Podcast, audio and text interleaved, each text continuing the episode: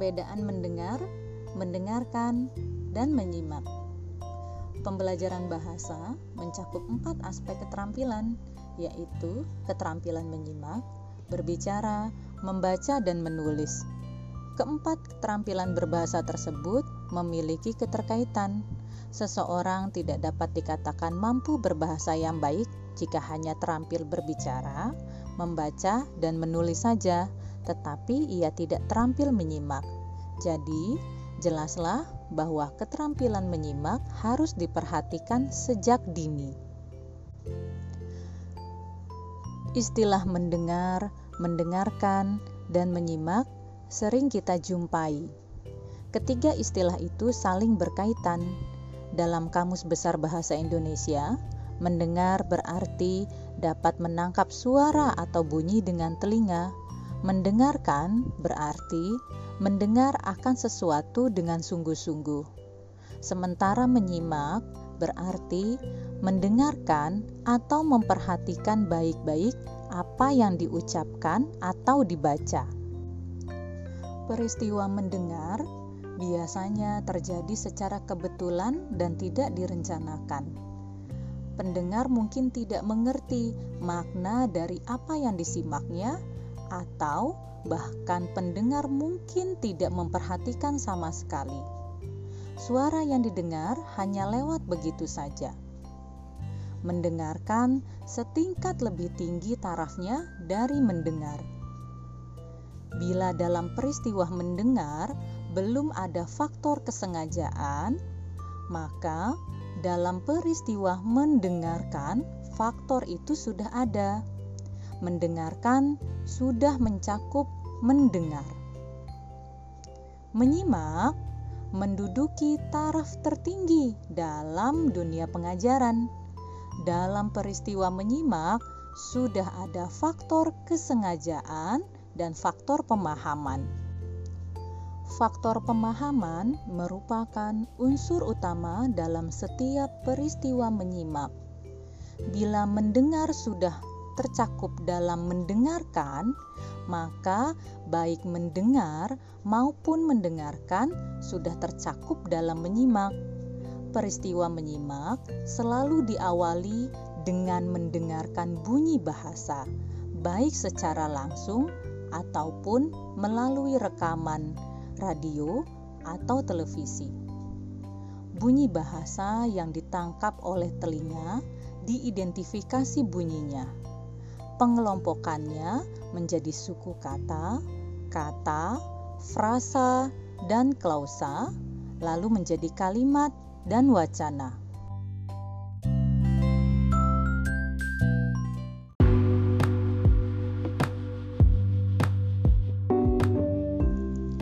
Pengertian menyimak Seperti yang diungkapkan Tarigan, menyimak adalah suatu proses kegiatan mendengarkan lambang-lambang lisan dengan penuh perhatian, pemahaman, apresiasi, serta interpretasi untuk memperoleh informasi, menangkap isi atau pesan, serta memahami makna komunikasi yang telah disampaikan oleh pembicara melalui ujaran atau bahasa lisan. Tarigan menambahkan, dalam menyimak mencakup kegiatan mendengarkan bunyi bahasa, mengidentifikasi, menginterpretasi, menilai, dan mereaksi atas makna yang terkandung di dalamnya.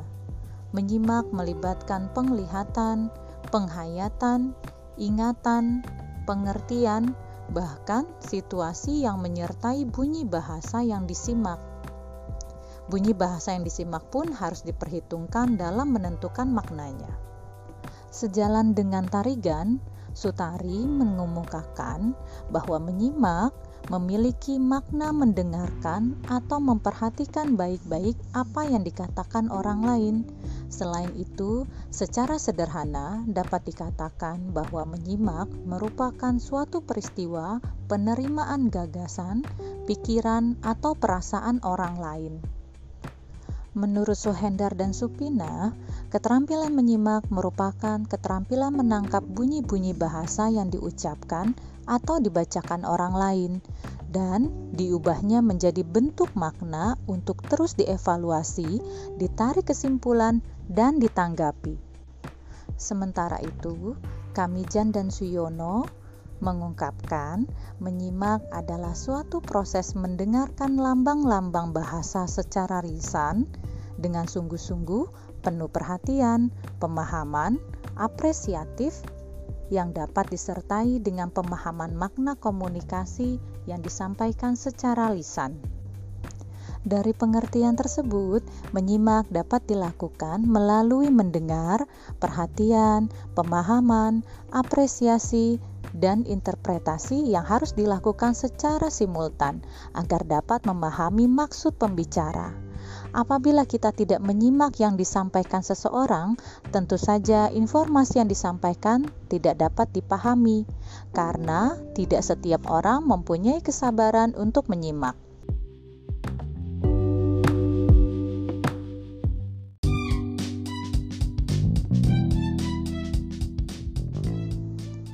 Kita kerap kali menganggap menyimak merupakan sesuatu yang terjadi secara alamiah namun, kenyataannya tidak demikian. Terdapat tiga gambaran umum yang sering disalahartikan tentang menyimak, yaitu: pertama, mendengar adalah proses gelombang-gelombang suara mengenai gendang telinga. Hal tersebut menyebabkan getaran-getaran yang kemudian ditransformasikan ke otak. Sedangkan menyimak ialah pada saat otak mengonstruksi gelombang-gelombang elektrokimia atau suara menjadi sebuah lambang dan memaknainya. 2. Mendengar bersifat spontan dan pasif, sedangkan menyimak bersifat aktif. Menyimak meliputi proses dan penafsiran akan informasi, sehingga diperlukan konsentrasi yang tinggi, perhatian, unsur kesengajaan, pemahaman, dan kehati-hatian. Ketiga, menyimak merupakan proses yang meliputi perhatian selektif dan pemberian makna di mana organ-organ pendengaran menerima getaran-getaran akustik yang bentuknya diubah menjadi sinyal-sinyal yang dimengerti otak.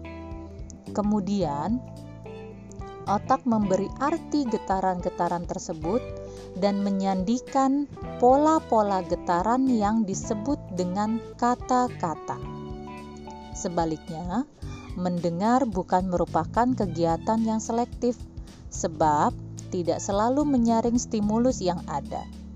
Dari uraian tersebut, dengan menyimak kita dapat menerima gagasan, pikiran, dan perasaan orang lain yang dapat kita olah kembali menjadi informasi atau pengetahuan.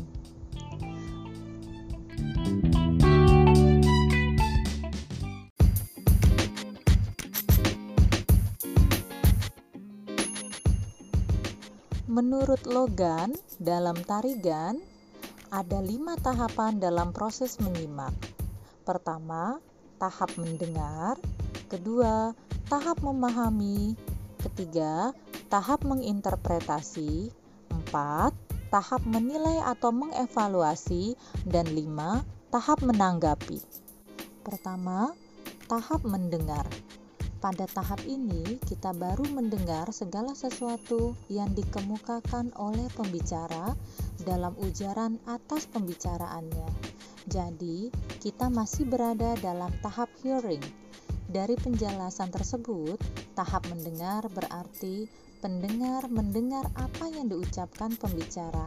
Misalnya, di dalam kelas, guru menjelaskan kepada peserta didik. Baru pada tahap ini, peserta didik mendengar apa yang disampaikan oleh guru.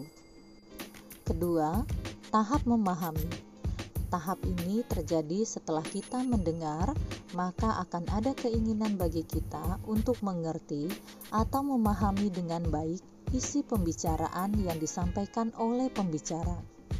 Tahap ini disebut tahap understanding. Tahap memahami berarti pendengar mengerti apa yang disampaikan pembicara. Misalnya, peserta didik mengerti apa yang telah dijelaskan oleh guru. Ketiga, tahap menginterpretasi. Penyimak yang baik, cermat, dan teliti belum puas jika hanya mendengar dan memahami dengan baik isi ujaran pembicara.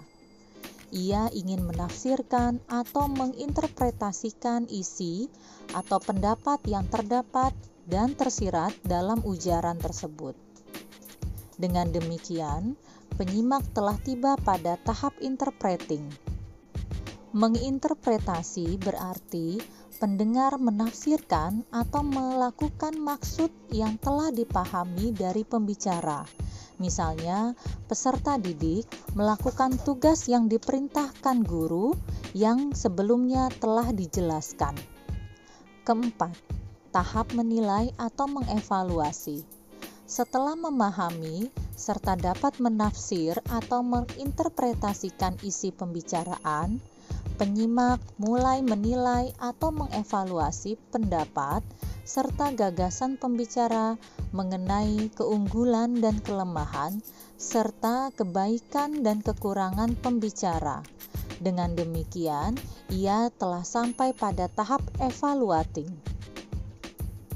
Misalnya, guru dan peserta didik membahas bersama-sama apa yang telah dikerjakan peserta didik, apakah sesuai dengan yang guru maksudkan. Tahap terakhir, kelima, tahap menanggapi. Tahap ini merupakan tahap terakhir dalam kegiatan menyimak. Penyimak menyambut, mencamkan, menyerap, serta menerima gagasan atau ide yang dikemukakan oleh pembicara dalam ujaran atau pembicaraannya. Penyimak pun sampai pada tahap menanggapi atau responding.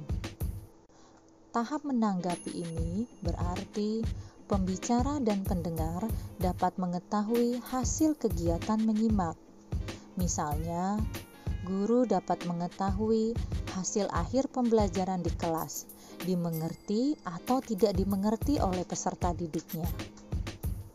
Kelima tahapan tersebut saling berkaitan atau resiprokal. Kelimanya tidak dapat dipisahkan. Agar menghasilkan sebuah hasil simakan yang baik, maka kelimanya harus dapat terjadi secara keseluruhan.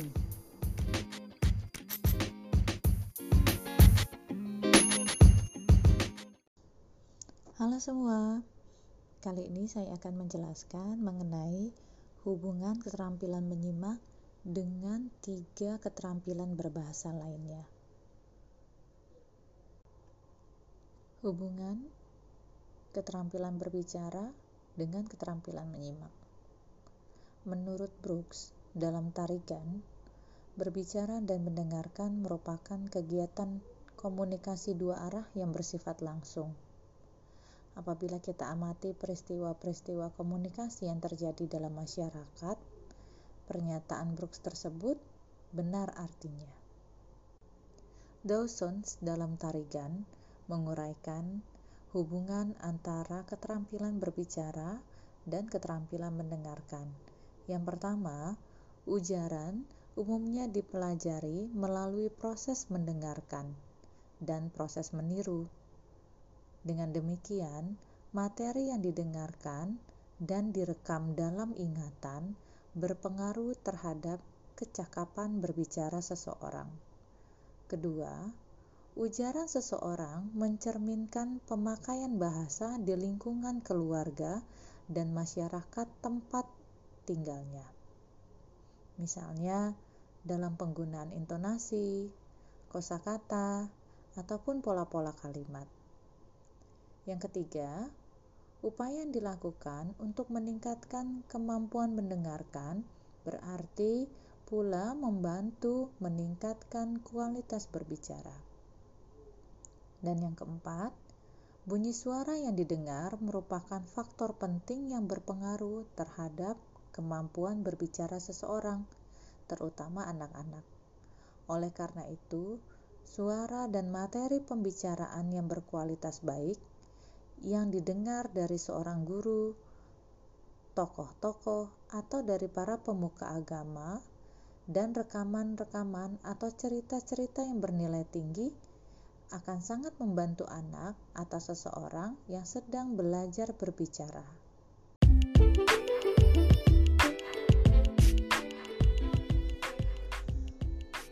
Halo, kali ini saya akan menguraikan mengenai hubungan keterampilan menyimak dengan keterampilan berbahasa lainnya. Yang pertama, hubungan keterampilan menyimak dan keterampilan berbicara. Keterampilan menyimak dan keterampilan berbicara merupakan bentuk komunikasi dua arah. Bentuk komunikasi dua arah itulah yang antara lain dapat melandasi pikiran untuk menguraikan hubungan keduanya. Menurut Brooks, dalam tarigan, menyimak dan berbicara merupakan kegiatan dua arah yang langsung. Keduanya merupakan komunikasi tatap muka atau face-to-face communication. Kedua, hubungan keterampilan menyimak dan keterampilan membaca. Keterampilan menyimak dan keterampilan membaca sering kali diperoleh secara bersama-sama dan saling menunjang, sehingga dapat dikatakan bahwa keduanya mempunyai hubungan yang sangat erat. Keeratan tersebut diperjelas dengan pendapat untuk meningkatkan hasil yang hendak dicapai dalam membaca, maka seyogyanya lah setiap keterampilan menyimak diikuti oleh kegiatan membaca yang sesuai dengan tujuan menyimak tersebut. Pernyataan tersebut adalah pernyataan dari Tarigan. Dengan kata lain, listening goals harus diikuti oleh reading activity. Yang ketiga, hubungan keterampilan menyimak dan keterampilan menulis. Sewaktu menulis, seseorang membutuhkan inspirasi, ide, atau informasi untuk tulisannya. Hal itu dapat ia peroleh dari berbagai sumber. Ada sumber tercetak dan ada sumber tak tercetak. Sumber tercetak misalnya buku, majalah, surat kabar, jurnal, ataupun laporan.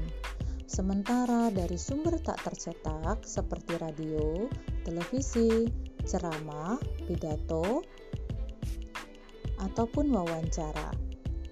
Jika dari sumber tercetak informasi diperoleh dengan membaca, maka dari sumber tak tercetak informasi diperoleh dengan menyimak.